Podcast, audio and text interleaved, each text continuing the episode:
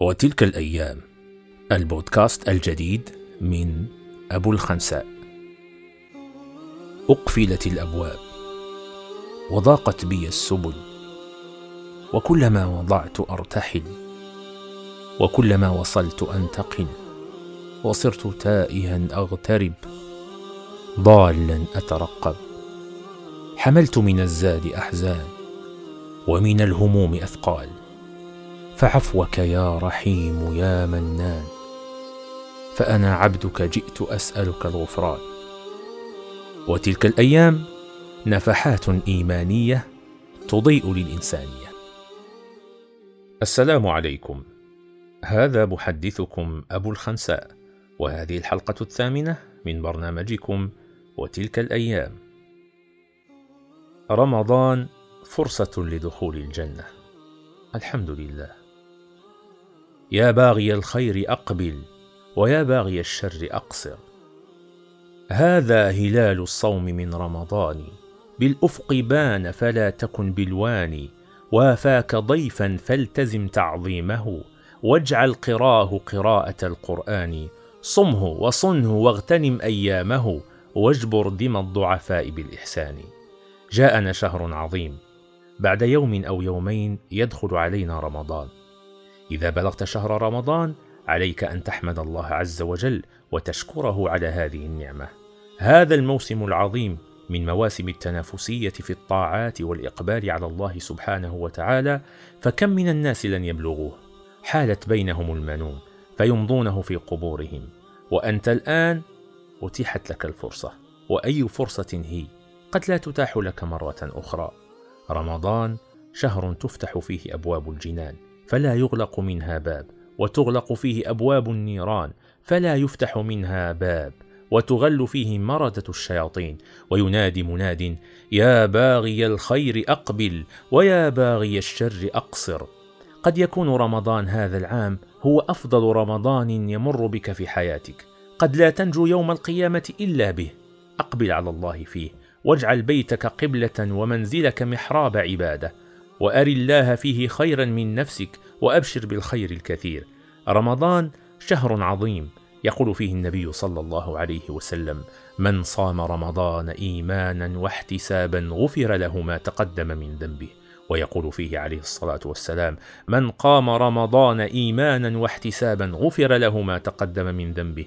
ويقول فيه عليه الصلاة والسلام من قام ليلة القدر إيمانا واحتسابا غفر له ما تقدم من ذنبه. تخرج في آخر رمضان مغسولا كيوم ولدتك أمك ما بقي عليك ذنب واحد. يا الله يقول عليه الصلاة والسلام رغم أنف من أدرك رمضان ولم يغفر له. إذا لم يغفر لك في رمضان متى يغفر لك؟ الحسنة بعشر أمثالها إلى مئة إلى ألف إلى أضعاف لا يعلمها إلا الله متى إذا يغفر لك؟ والصيام مخفف لشهوات النفوس كابح لها وقد أعاننا الله في رمضان بتصفيد أعدائنا بتصفيد المردة والشياطين وبتنزل الرحمات وجعله شهر عبادة وجعل فيه ليلة هي ليلة القدر خير من ألف شهر. يزداد بها عمر الإنسان بثلاث وثمانين سنة لأن فائدة العمر التقرب إلى الله سبحانه وتعالى وعبادته. والذي يقوم هذه الليلة في السنة يزداد عمره على الأقل بثلاث وثمانين سنة وبضعة أشهر. فيكون كأنما عاش هذه الفترة بليلة واحدة كأنه كتب له عمر آخر. وكذلك في العشر الأواخر التي هي أفضله وقد شرع الله سبحانه وتعالى صيامه وسن رسول الله صلى الله عليه وسلم قيامه ورتب على ذلك مغفرة من الذنوب. شهر رمضان فرصة لدخول الجنة. فرصة للإقلاع والندم والتوبة والإنابة والرجوع إلى الله سبحانه وتعالى وهو مدرسة الصبر والتحمل والقوة والإرادة. فلنبادر جميعا إلى الكف عن الوقوع في أي لون من ألوان المحرمات في حقوق الله أو في حقوق عباده. لا سيما والأجواء الإيمانية والأوقات الروحانية تعين على ذلك. كيف لا والعمر قصير والأجل يأتي بغتة؟ إن الله سبحانه وتعالى افترض على عباده أجمعين أن يتوبوا إليه. فقال تعالى وتوبوا إلى الله جميعا أيها المؤمنون لعلكم تفلحون وقال تعالى يا أيها الذين آمنوا توبوا إلى الله توبة نصوحا وهذه التوبة هي لطف من الله وفضل وإقالة للعثرات. يقيل الله سبحانه وتعالى عثرات عباده الذين فرطوا في جنبه فيفتح لهم بابا من قبل المغرب اسمه باب التوبة. لا يغلق حتى تطلع الشمس من مغربها. وبهذا تتاح الفرصة لكل من أخطأ وأذنب أن يتوب إلى الله سبحانه وتعالى. والتائب من الذنب كمن لا ذنب له فيخرج من ذنبه بتوبته إلى الله سبحانه وتعالى. رمضان فرصة لدخول الجنة. رمضان شهر القرآن. قال تعالى شهر رمضان الذي أنزل فيه القرآن هدى للناس وبينات من الهدى والفرقان. كان سلفنا الصالح رضي الله عنهم إذا دخل عليهم رمضان فرغوا جل وقتهم لقراءة القرآن. حتى قال الزهري إذا دخل رمضان فإنما هو لقراءة القرآن ولإطعام الطعام. وكان إمام دار الهجرة مالك بن أنس إذا دخل شهر رمضان فرغ جل وقته لقراءة القرآن وترك قراءة الحديث النبوي الشريف. فاقرأ القرآن بتدبر ورتل القرآن ترتيلا ضع برنامجا وخطة. واقرأ قبل وبعد كل فريضة وردا محددا ولا يمر عليك الأسبوع الأول إلا وقد ختمت ختمتك الأولى. ولا يخرج الشهر إلا وقد قرأت القرآن على أقل تقدير أربع ختمات. فإن السلف رضوان الله عليهم منهم من كان يختم القرآن في رمضان في كل ثلاث ليال مرة. فإن قرأت القرآن أكثر من ذلك فأنت على خير. واسمع ماذا قال لك حبيبك المصطفى صلى الله عليه وسلم. من قرأ حرفا من كتاب الله فله به حسنة والحسنة بعشر أمثالها. لا أقول ألف لام ميم حرف ولكن ألف حرف ولام حرف وميم حرف. فإذا قلت ألف لام ميم ثلاث حسنات والحسنة بعشر أمثالها ثلاثون حسنة. وقال صلى الله عليه وسلم اقرأوا القرآن فإنه يأتي يوم القيامة شفيعا لأصحابه. ومن حديث عائشة رضي الله عنها أنه صلى الله عليه وسلم قال: الذي يقرأ القرآن وهو ماهر به مع السفرة الكرام البررة، أي مع الملائكة، والذي يقرأ القرآن ويتتعتع فيه وهو عليه شاق له أجران، فللقارئ أجر على قراءته، وأجر على مشقته وصبره على هذه المشقة، ويمكنك أن تبدأ ببرنامج حفظ القرآن الكريم. ضع لنفسك خطة عملية للطاعة، لا بد من خطة وبرنامج قبل دخول المضمار. واعلم أن أعلى هذه الطاعات في رمضان أن تفرغ جل وقتك لقراءة القرآن. وما سبب الأزمات التي نعانيها ونكابدها إلا بهجرنا لكتاب الله عز وجل. والهجر أنواع كما قال ابن القيم رحمه الله. هجر التلاوة وهجر السماع وهجر التدبر وهجر العمل بأحكامه وهجر التداوي به ولا عزة ولا كرامة لهذه الأمة إلا إذا عادت من جديد إلى أصل عزها وشرفها وهو كتاب ربها جل وعلا. كما قال الله تعالى فمن اتبع هداي فلا يضل ولا يشقى ومن أعرض عن ذكري فإن له معيشة ضنكا. رمضان فرصة لدخول الجنة. رمضان شهر القيام. فلا تنشغل ببرامج الفكاهة والمسلسلات والأفلام ولكن انشغل بطاعة الرحيم الرحمن. ففي هذا الوقت من الليل يصلي المسلمون صلاة التراويح. فلا تنشغل بمشاهدة البرامج وتفوت على نفسك فضل القيام والدعاء وقراءة القرآن. لا تستبدل الذي هو أدنى بالذي هو خير. فليس من العقل أن تصوم عن الطعام والشراب وتتكلم وتنظر إلى الحرام. حصن صيامك بالسكوت عن الخنا. أطبق على عينيك بالأجفان. لا تمش ذا وجهين من بين الورى شر البرية من له وجهان. لعلك لا تدرك رمضان آخر. صبر نفسك على طاعة الله فلقد مضى عمرك وقضيت الساعات الطوال أمام التلفاز قبل ذلك. فلا تضيع دقيقة في هذا الشهر وكن في كل لحظة في طاعة الله. وحتى وإن كنت في عملك انشغل بالأذكار ولا تضيع دقيقة وليكن لسانك رطبا في كل دقيقة بذكر الله عز وجل. إذا لم يكن في السمع مني تصامم وفي مقلتي غض وفي منطقي صمت فحظي إذا من صومي الجوع والظما وإن قلت إني صمت يوما فما صمت. احرص على أوقات الصلوات الخمس. قال تعالى حافظوا على الصلوات والصلاة الوسطى وقوموا لله قانتين. وقد سئل النبي صلى الله عليه وسلم عن أفضل الأعمال فقال الصلاة لوقتها. وعن النبي صلى الله عليه وسلم أنه قال أرأيتم لو أن نهرا بباب أحدكم يغتسل فيه في كل يوم خمس مرات أيبقى في ذرانه شيء؟ أي هل يبقى على جسده شيء من القذر؟ قالوا لا يا رسول الله قال فذلك مثل الصلوات الخمس يمحو الله بهن الخطايا رمضان فرصة لدخول الجنة رمضان شهر الإنفاق والإحسان وكذلك فهو شهر الجود والبذل فعن ابن عباس رضي الله عنهما قال كان رسول الله صلى الله عليه وسلم أجود الناس وكان أجود ما يكون في رمضان حين يلقاه جبريل وكان يلقاه في كل ليلة من رمضان فيدارسه القرآن. فلرسول الله صلى الله عليه وسلم أجود بالخير من الريح المرسلة. أخرج زكاة مالك في رمضان لتنال الأجر المضاعف من الرحمن وأكثر من الصدقة في رمضان. أنفق ولا تخش من ذي العرش إقلالا فوالله لن يقل مالك من الصدقة. روي عن النبي صلى الله عليه وسلم أنه قال ثلاث أقسم عليهن ما نقص مال عبد من صدقة. فأنفق أيها الحبيب يا من من الله عليك بالمال أطعم الطعام في رمضان فإن الصدقة تطفئ الخطيئة كما يطفئ الماء النار. وفي الحديث ألا أدلك على أبواب الخير؟ الصوم جنة أي وقاية والصدقة تطفئ الخطيئة كما يطفئ الماء النار. فأكثر من الصدقة والإنفاق. وفي الحديث وما من يوم إلا وينادي ملكان في السماء. فيقول الأول اللهم أعط منفقا خلفا. ويقول الثاني اللهم أعط ممسكا تلفا. والله عز وجل يقول الشيطان يعدكم الفقر ويأمركم بالفحشاء. والله يعدكم مغفرة منه وفضلا والله واسع عليم. فما لك يا ابن آدم؟ تقول مالي مالي مالي.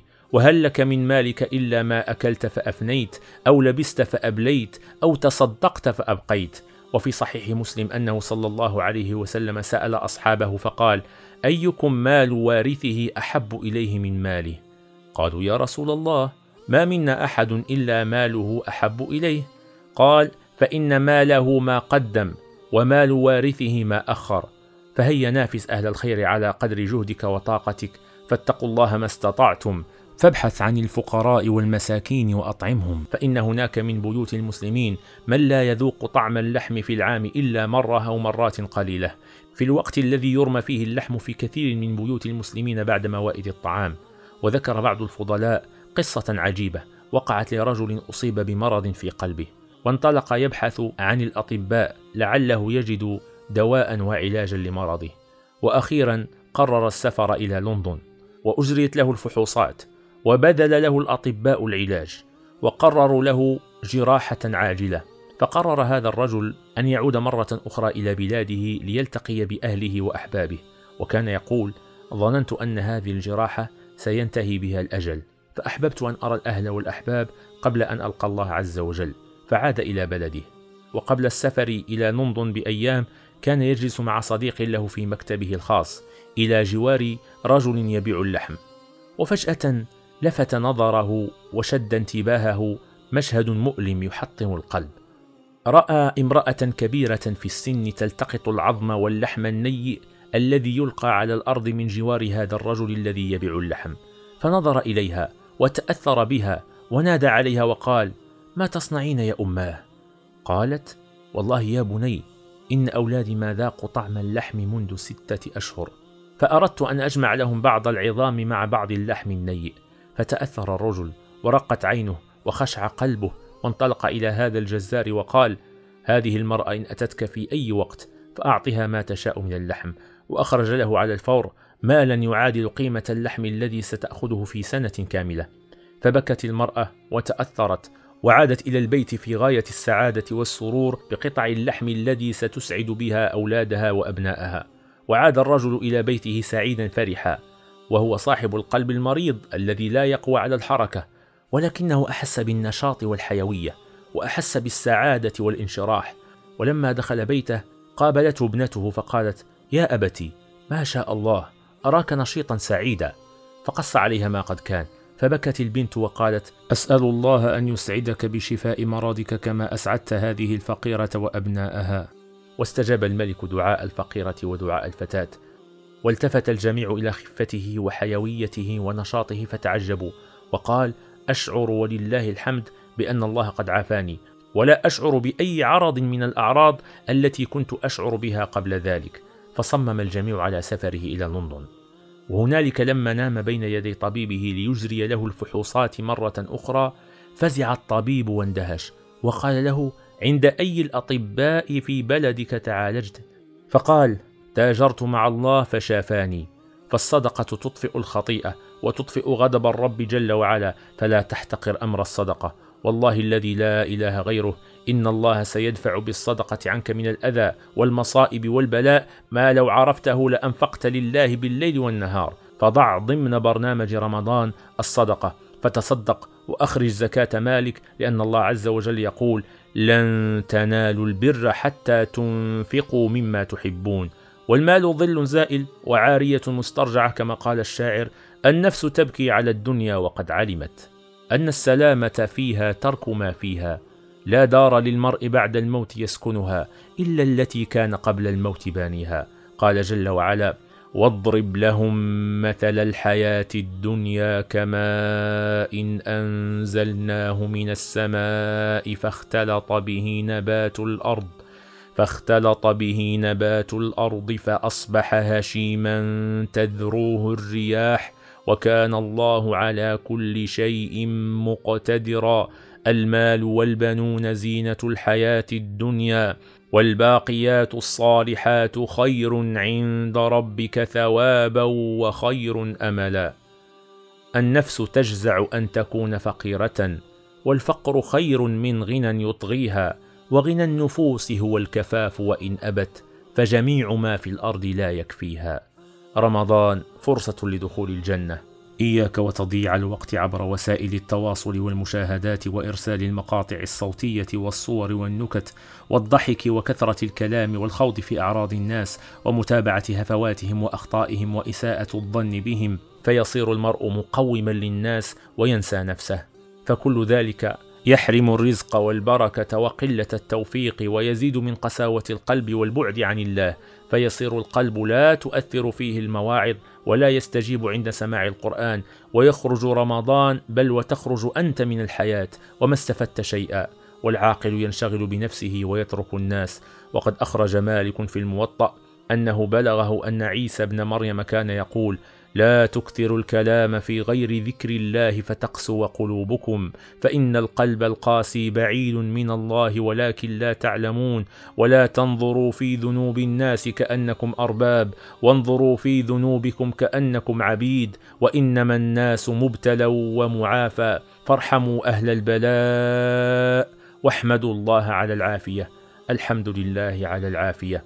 قال رسول الله صلى الله عليه وسلم طوبى لمن ملك لسانه ووسعه بيته وبكى على خطيئته وقديما كانوا يقولون إن لسان الحكيم من وراء قلبه فإذا أراد أن يقول رجع إلى قلبه فإن كان له قال وإن كان عليه أمسك وإن الجاهل قلبه على طرف لسانه لا يرجع إلى قلبه ما أتى على لسانه تكلم وينطبق هذا على وسائل التواصل فكل ما تنشره إما لك وإما عليك فاتق الله في نفسك وفي الناس. ويروى أن لقمان الحكيم دخل على داود النبي صلى الله عليه وسلم وكان داود يسرد الدرع فجعل يتعجب مما يرى فأراد أن يسأله عن ذلك فمنعته حكمته فأمسك نفسه ولم يسأله. فلما فرغ قام داود عليه السلام فلبس الدرع ثم قال نعم الدرع للحرب ونعم عامله. فقال لقمان الصمت حكمة. وروي عن رسول الله صلى الله عليه وسلم أنه لما بعث معادا إلى اليمن فقال يا نبي الله أوصني. فأشار إلى لسانه. يعني عليك بحفظ اللسان. فكأنه تهاون به. فقال يا نبي الله أوصني.